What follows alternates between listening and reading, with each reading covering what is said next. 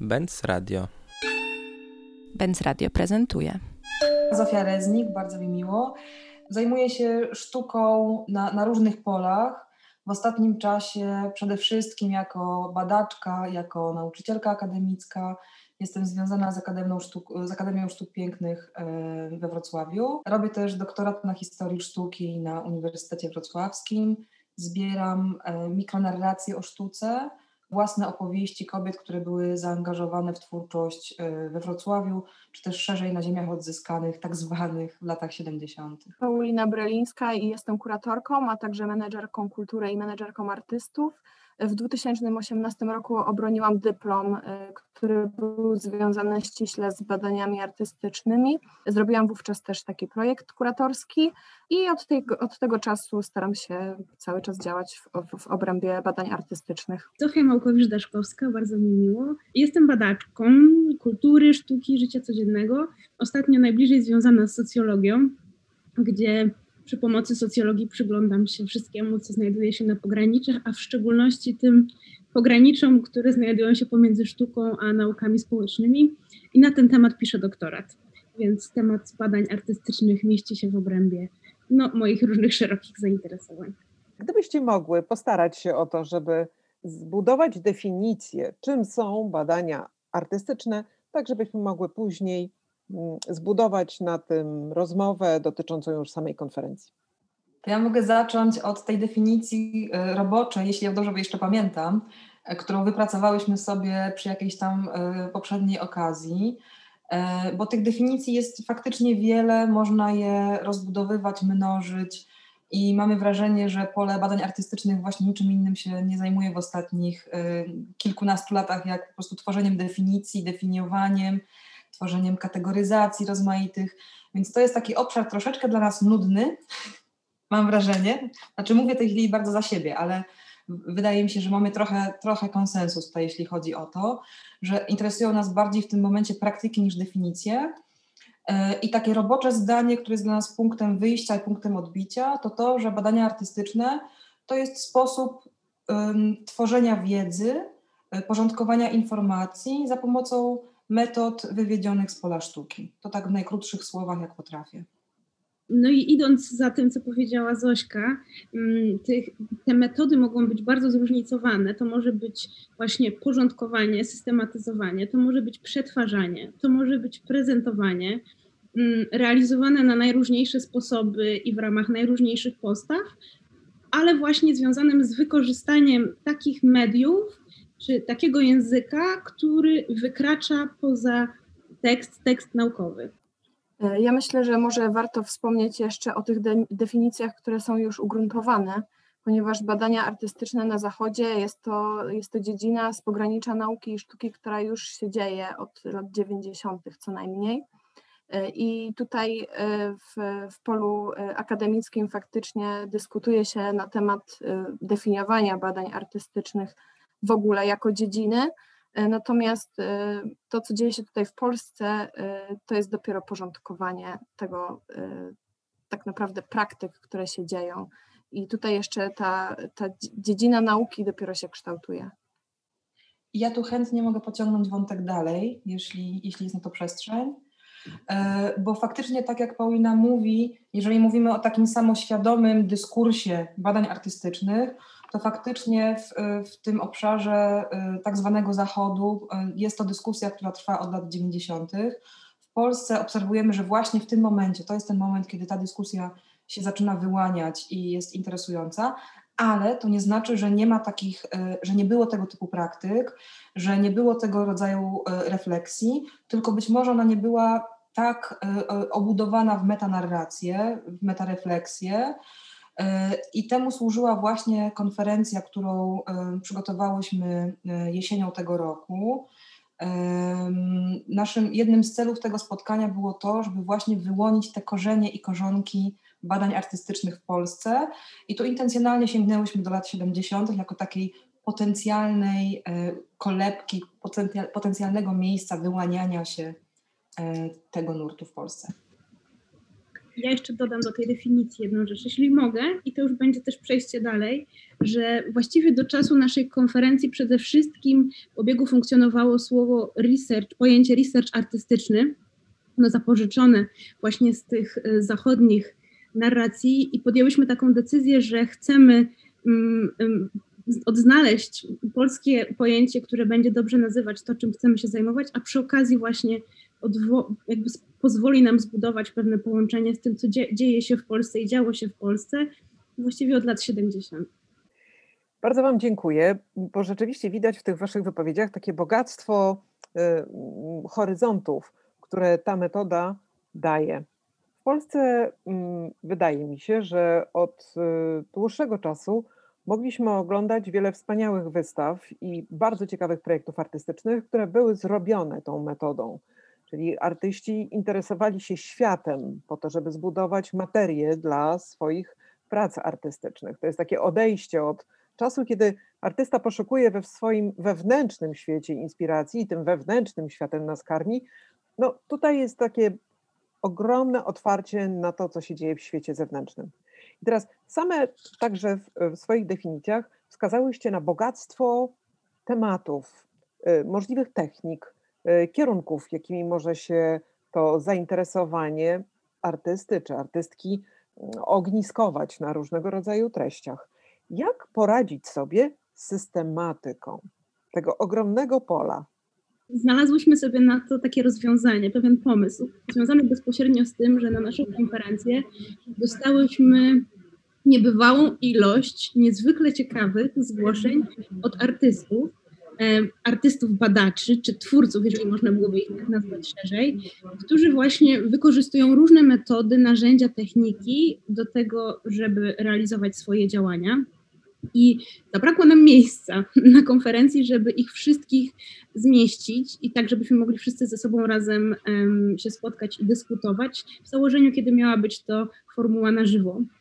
Postanowiłyśmy e, zaprosić ich do pewnego nowego projektu, który związany jest z porządkowaniem już wykorzystywanych czy używanych metodologii badań artystycznych i stworzyłyśmy koncept takiego, no, takiego archiwum metodologii badań artystycznych, który porządkujemy przy pomocy takiego narzędzia wypracowanego przez nas właśnie na potrzeby konferencji, które będziemy rozwijać dalej, w ramach którego artyści podejmują refleksję nad tym, w jaki sposób pracują, jakich metod używają.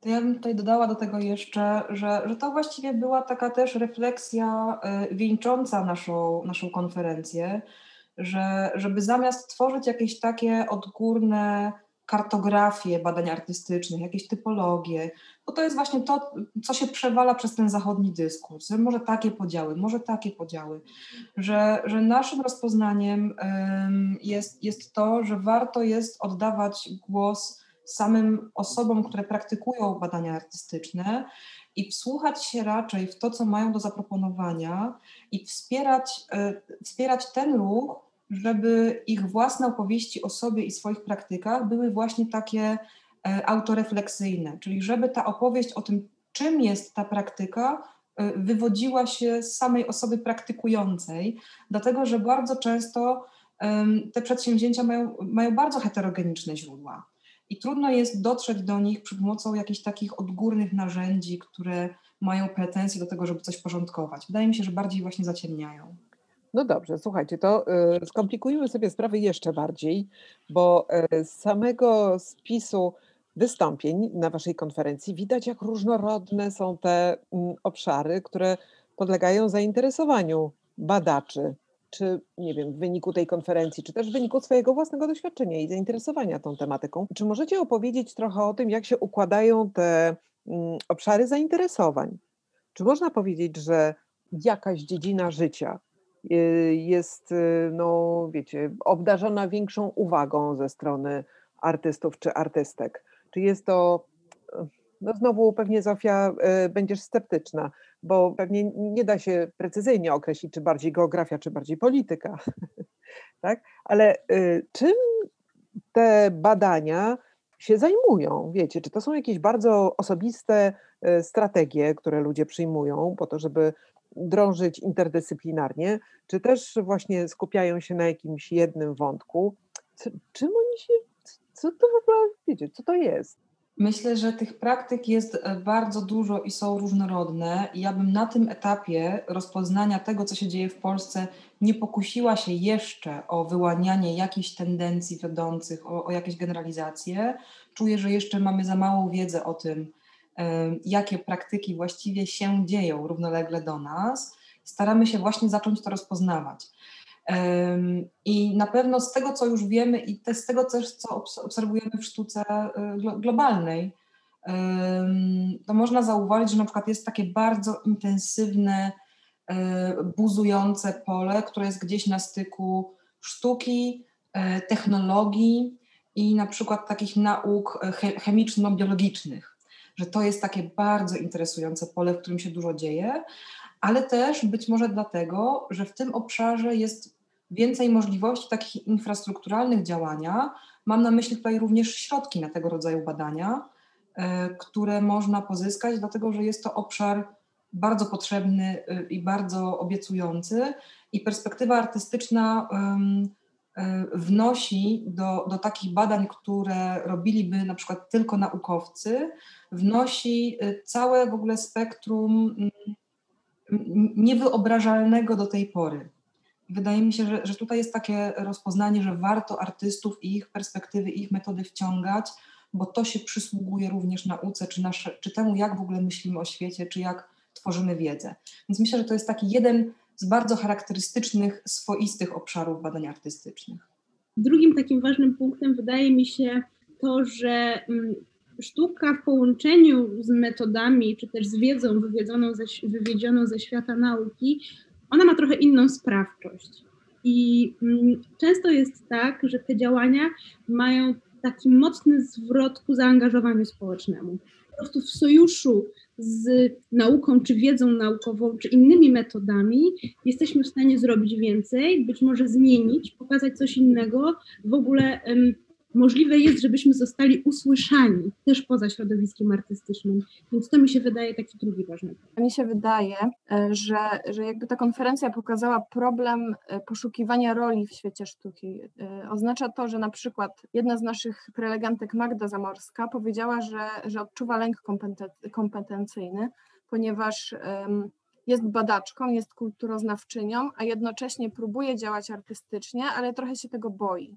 Więc jakby te badania artystyczne i łączenie badacza i artysty w jednym, jakby w jednej osobie, albo może rozdzielanie tych y, kompetencji jest tutaj takim, y, takim y, etapem, w którym no, istnieje wiele pytań i, i jakby i zarówno artyści, i badacze zastanawiają się, co dalej z tym począć. To, co zauważyłyśmy, to też to, że myśląc o badaniach artystycznych, bardzo mocno stoimy jednak w polu sztuki, i e, robimy takie wypustki do różnych nauk. Tymczasem to, jak chciałybyśmy myśleć o badaniach artystycznych, to jako o takiej przestrzeni, która właśnie jest pomiędzy dziedzinami, czyli faktycznie pomiędzy sztuką a nauką, więc tak samo może wychodzić z nauki i wspierać się sztuką. I to wydaje mi się bardzo dobrze jest wyraźne właśnie w polu nauk społecznych, które bardzo szybko rozpoznały, jak e, metody artystyczne mogą być przydatne, jak mogą e, rozszerzać po prostu spektrum e, narzędziowe dyscypliny. Słuchajcie, a czy zauważacie jakieś wyraźne tendencje związane z obecnością nowych technologii?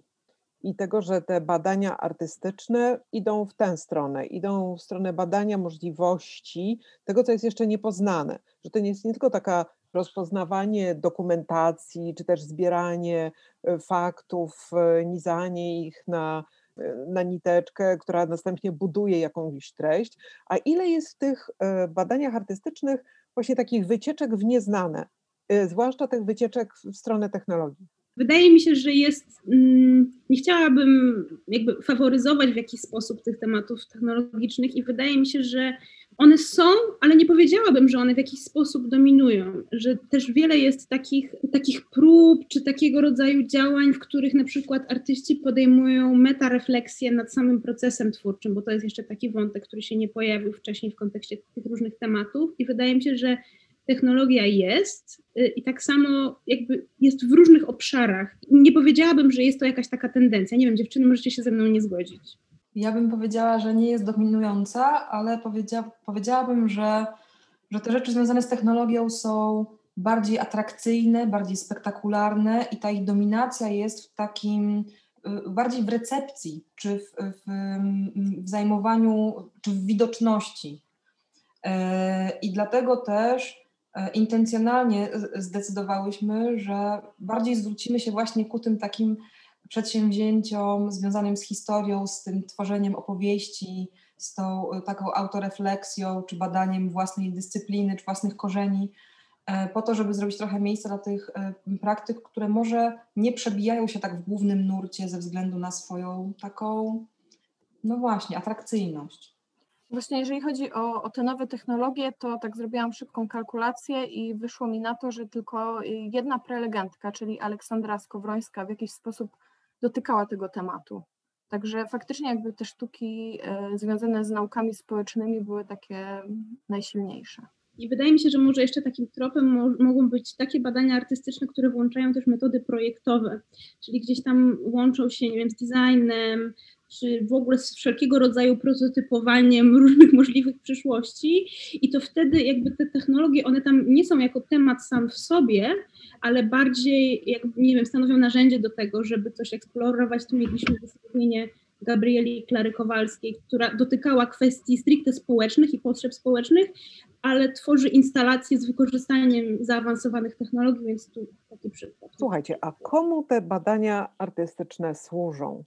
Już wiemy, że są bardzo rozproszone, są dystrybuowane wewnątrz społeczności w taki trudny do wychwycenia sposób, bo są indywidualną praktyką y, i też w dużej mierze pewnie zależą właśnie od indywidualnych wyborów, jakiegoś przygotowania, oprzyrządowania chociażby świadomości tego, że można zbierać informacje w bardzo różnorodny i niestandardowy sposób, ale kto wykorzystuje wyniki tych badań?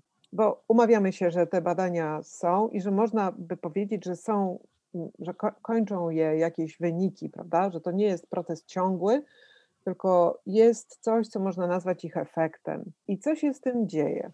To ja taki szybki wtręt z mojej działki związanej z socjologią nauki, socjologią sztuki. E, to jest kontekst, o którym rozmawiamy cały czas, że poza tą oddolnością działań badań artystycznych nakłada się na to jeszcze druga perspektywa, czyli perspektywa instytucjonalna związana z funkcjonowaniem Akademii Sztuki czy też uniwersytetów. Nie jest to być może zbyt optymistyczna perspektywa, ale na pewno te konkretne, może nie, niekoniecznie ta wiedza, która powstaje, ale pewna forma jej przekazania staje się częścią tego systemu, który liczy punkty. I te efekty działalności artystów badaczy są trochę łatwiejsze do zmierzenia, aniżeli po prostu zwykła działalność artystyczna, więc tu w taki mało optymistyczny sposób, ale temu też służą badania artystyczne, patrząc na to, jak zmieniają się systemy kształcenia na uczelniach wyższych, w tym uczelniach artystycznych. Ja bym powiedziała też ze swojej działki, że badania artystyczne służą kuratorom, chociaż niezwykle trudno jest zrobić wystawę zbierającą badania artystyczne. I długo się nad tym zastanawiałam i nie znalazłam jeszcze dobrego sposobu na to, w jaki sposób pokazać różne y, obszary badawcze i różne punkty widzenia, ponieważ y, one są bardzo jakby osobliwe i indywidualne. Y, także myślę, że artyści, kuratorzy się tym interesują, natomiast nie do końca jeszcze wiadomo, jak to wykorzystać.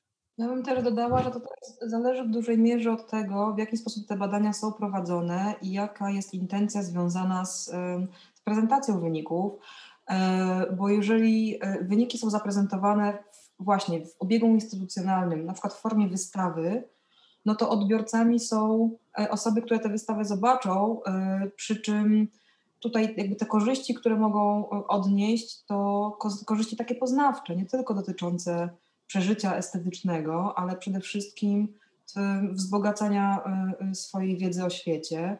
Więc tutaj bym powiedziała, że taki może być ich wymiar.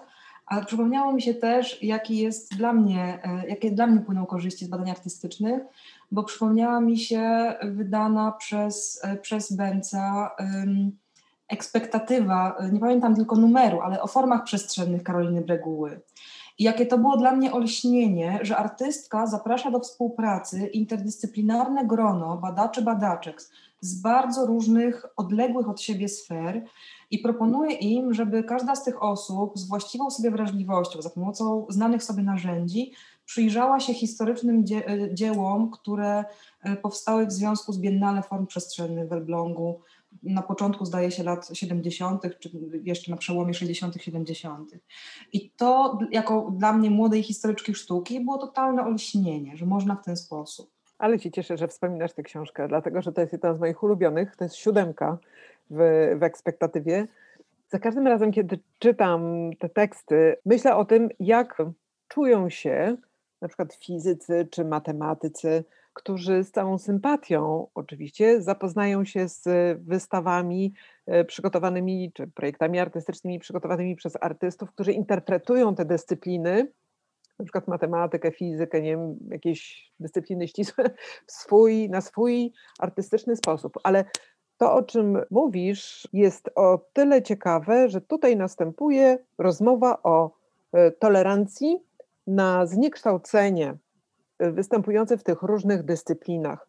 Do jakiego stopnia te dyscypliny są dla siebie przyjazne?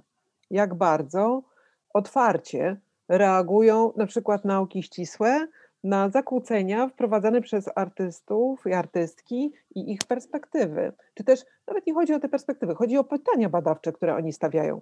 Bo tak naprawdę przecież chyba to, co jest najbardziej fascynujące, to to, jak różne pytania badawcze stawiane są przez osoby, które zajmują się twórczością, jak inne są od tego, y, jak formułowane są cele badań mm, przez y, ekspertów i profesjonalistów działających wewnątrz na przykład nauk ścisłych. I teraz jak oceniacie właśnie tę życzliwość, tę otwartość? Ja bym powiedziała, że właśnie największa życzliwość i otwartość jest y, między artystami, artystkami, a osobami właśnie z pola nauk ścisłych, dlatego że są to tak odległe od siebie światy, że, że patrzy się na siebie z taką, z taką y, życzliwością względem innego, powiedziałabym. Natomiast najtrudniej jest między sztuką a naukami humanistycznymi, które cały czas muszą bronić się, y, że są nauką, a nie literaturą. I tutaj ewentualne y, konszachty ze sztuką powodują zagrożenie takie dyscyplinarne, powiedziałabym. Zofia, czujesz to w ten sposób, że musisz bronić swojej naukowości? Wydaje mi się, że pomiędzy naukami społecznymi a sztuką jest trochę inaczej, bo jednak nauki społeczne już są trochę bliżej nauk przyrodniczych, ale myślę sobie o tym, że mm, to zawsze jest problematyczne. Na przykład dla mnie, jako badaczki społecznej o równoczesnych korzeniach artystycznych, czasami kłócą się we mnie te dwie perspektywy i szczególnie w rozmowach z artystami mam takie poczucie, nie wiem, dużego uproszczenia albo jakiegoś, nie wiem, mm, jakiegoś innego zrozumienia tego, o czym mówię, ale z drugiej strony to jest kwestia po prostu wielości perspektyw. Kiedy zaczniemy sobie myśleć o tym, że zmienia się trochę rola artysty, takiego, który zajmuje się badaniami artystycznymi i że on trochę zaczyna wchodzić w funkcję takiego, bym powiedziała, facylitatora lub facylitatorki i zaczyna zajmować się tłumaczeniem, przykładem, interpretacją, łączeniem, zestawianiem, to okazuje się, że inne rzeczy stają się możliwe, to raz, a dwa, że trochę jest inny cel tych działań. I wydaje mi się, że w perspektywie facylitacji celem jest nie tyle wytworzenie wiedzy czy też sztuki, jak odbywało się to na początku XX wieku, ale jest jej w pewien sposób zwrot do społeczeństwa, do społeczności, dla których, czy, czy użytkowników, nie wiem, czy osób, mieszkańców, dla których ta wiedza może coś konkretnego znaczyć. I wydaje mi się, że ten zwrot może się dokonać szybciej poprzez badania artystyczne, niż na przykład poprzez same zmiany w obszarze nie wiem, świata nauki, uniwersytetów, gdzie te zmiany są po prostu koszmarnie powolne i zanim naukowcy, czy społeczni, czy, czy przyrodniczy, zorientują się, że ta wiedza mogłaby krążyć trochę inny sposób, to wydaje mi się, że bez pomocy artystów to będzie trudne. Paulina, chciałabym Ciebie poprosić o głos, bo myśmy rozmawiały dwa lata temu chyba. e, Tak. przy okazji tej Twojej pracy, świetnej zresztą i takiej właśnie otwierającej ten temat. Co by było, gdyby z badań artystycznych usunąć przymiotnik? Czy coś by to zmieniło, jeśli chodzi o odbiór w ogóle tej y, techniki pracy? Wyobraźmy Mhm. sobie, że po prostu znikamy artystyczne i zostają badania. No tutaj jakiś przymiotnik pewnie by się pojawił w jakiejś, y, y, w jakimś, w jakiejś sytuacji, nie wiem, y, który by to mocno dookreślił. Czy ten przymiotnik artystyczny unieważnia badania? Czy Mm. on, co on robi w ogóle? Czy, czy też to było poruszane w czasie Waszej konferencji? Nie tyle może w wystąpieniach, bo rozumiem, że prelegentki i prelegenci głównie posługiwali się zakresem swoich doświadczeń i prezentowali swoje doświadczenia, prawda, z różnych, z różnych dziedzin, projektów. Ale czy pojawiało się to też w dyskusjach? Bo e, wiem, że miałyście plan i realizowałyście go, e, żeby pomimo tej online'owej formuły także dochodziło do jakichś nieformalnych spotkań i nieformalnej wymiany. Czy to się udawało wydobyć gdzieś tam w takich e, tych wieczornych e, spotkaniach? Jeżeli chodzi o przymiotnik y, i usunięcie go z badań artystycznych, to z jednej strony ja jestem za, ponieważ uważam, że trzeba stawiać na równi badania naukowców i badania artystyczne. Natomiast z drugiej strony też pozwala to wyodrębnić ich unikatowość y, i, jakby te metodologie.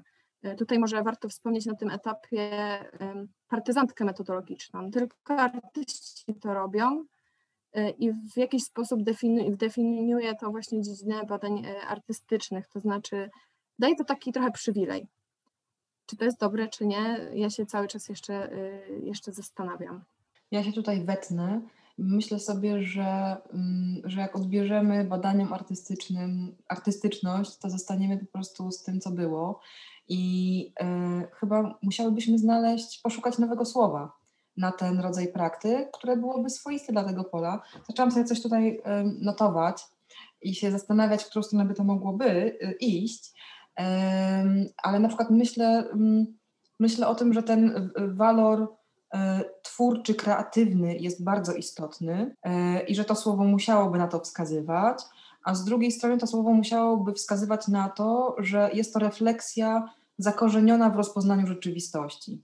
Więc jakbym miała szukać słowa, to bym gdzieś celowała w te dwa bieguny, żeby znaleźć coś takiego, co mogłoby te światy połączyć, a jednocześnie nie, nie uziemiać tego rodzaju praktyk w tym, co już znamy, w tym podziale świata. Więc to jest świetny postulat w ogóle, żeby znaleźć nowe słowo. Wydaje mi, znaczy mnie osobiście w badaniach artystycznych podoba mi się to, że to słowo mierzi. To jest trochę oksymoron w związku z dotychczasowym porządkiem świata, tak jak tu o tym rozmawiamy. I w takim porządku, w którym nauka jest racjonalna, a sztuka jest związana z wyobraźnią, no to wydaje mi się to piękne, piękne słowo granat, które rozwala różne struktury istniejące. Ja bym się z nim tak zbyt szybko nie pożegnała, bo ono mierzi i po jednej, i po drugiej stronie. Tak, to ciekawe, to ciekawe, co mówisz.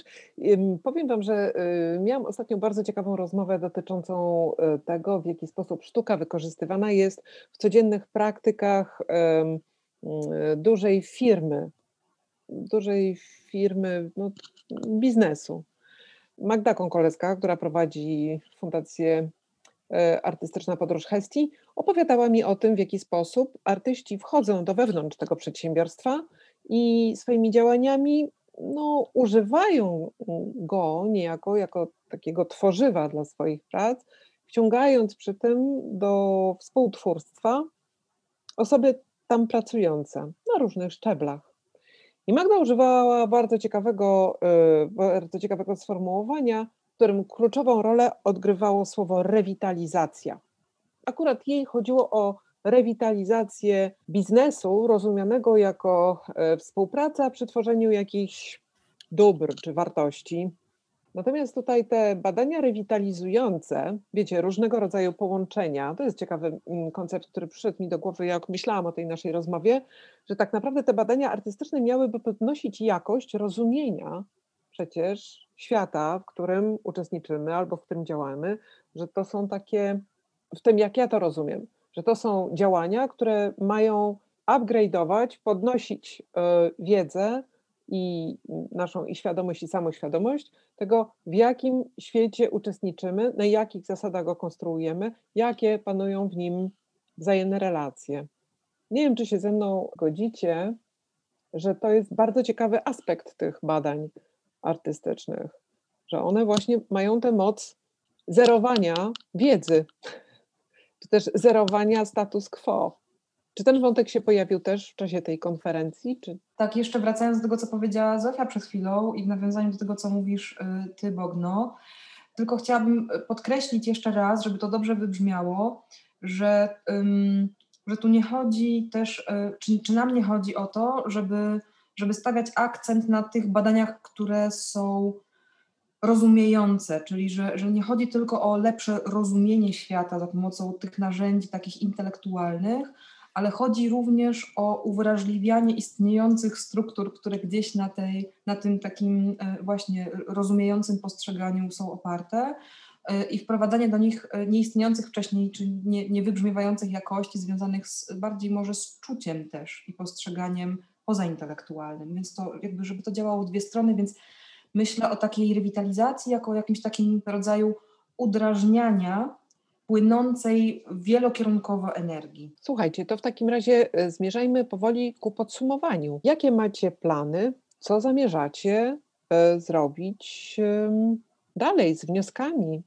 E, na razie planujemy rozwijać stronę internetową. Pracujemy wciąż na tych materiałach, które udało nam się stworzyć podczas konferencji. Jest ich bardzo dużo, bo są to nagrania wideo, nagrania audio rozmowy kuluarowe, różne myśli, różne abstrakty, które no, naprawdę jest ich mnóstwo.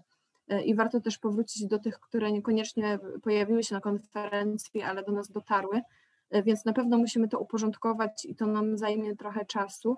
E, teraz też planujemy wydać jakąś publikację podsumowującą całą konferencję i te różne praktyki, które się tam pojawiły. E, to jest wizja na mm, pierwszy kwartał przyszłego roku. Mam nadzieję, że to się uda. E, I rozwój kart metodologicznych. Tak, więc z jednej strony marzymy o tym i planujemy, żeby kontynuować nasze spotkania, e, żeby ta konferencja była jakby pierwszym wydarzeniem, za którym będą szły następne działania, a z drugiej strony myślimy żywo o tym, żeby wyjść z tego formatu konferencyjno-akademickiego i poszerzyć swoje pole też o innego rodzaju formaty dzielenia się wiedzą. Ja myślę, że to też jest dobry e, moment na to, żeby zadać pytanie, które też e, zadał na forum jeden z osób, z gości programu, który został przez nas zaproszony. Był nim Witautas Michalkiewicz, który jest związany z Wilnieńską Akademią Sztuk Pięknych i zapytał na forum, gdzie są badania artystyczne w Polsce. I myślę, że, że warto zapytać y, tutaj właśnie w tym gronie i, i w gronie radiowym, żeby y, może jeszcze zebrać różne inne odpowiedzi.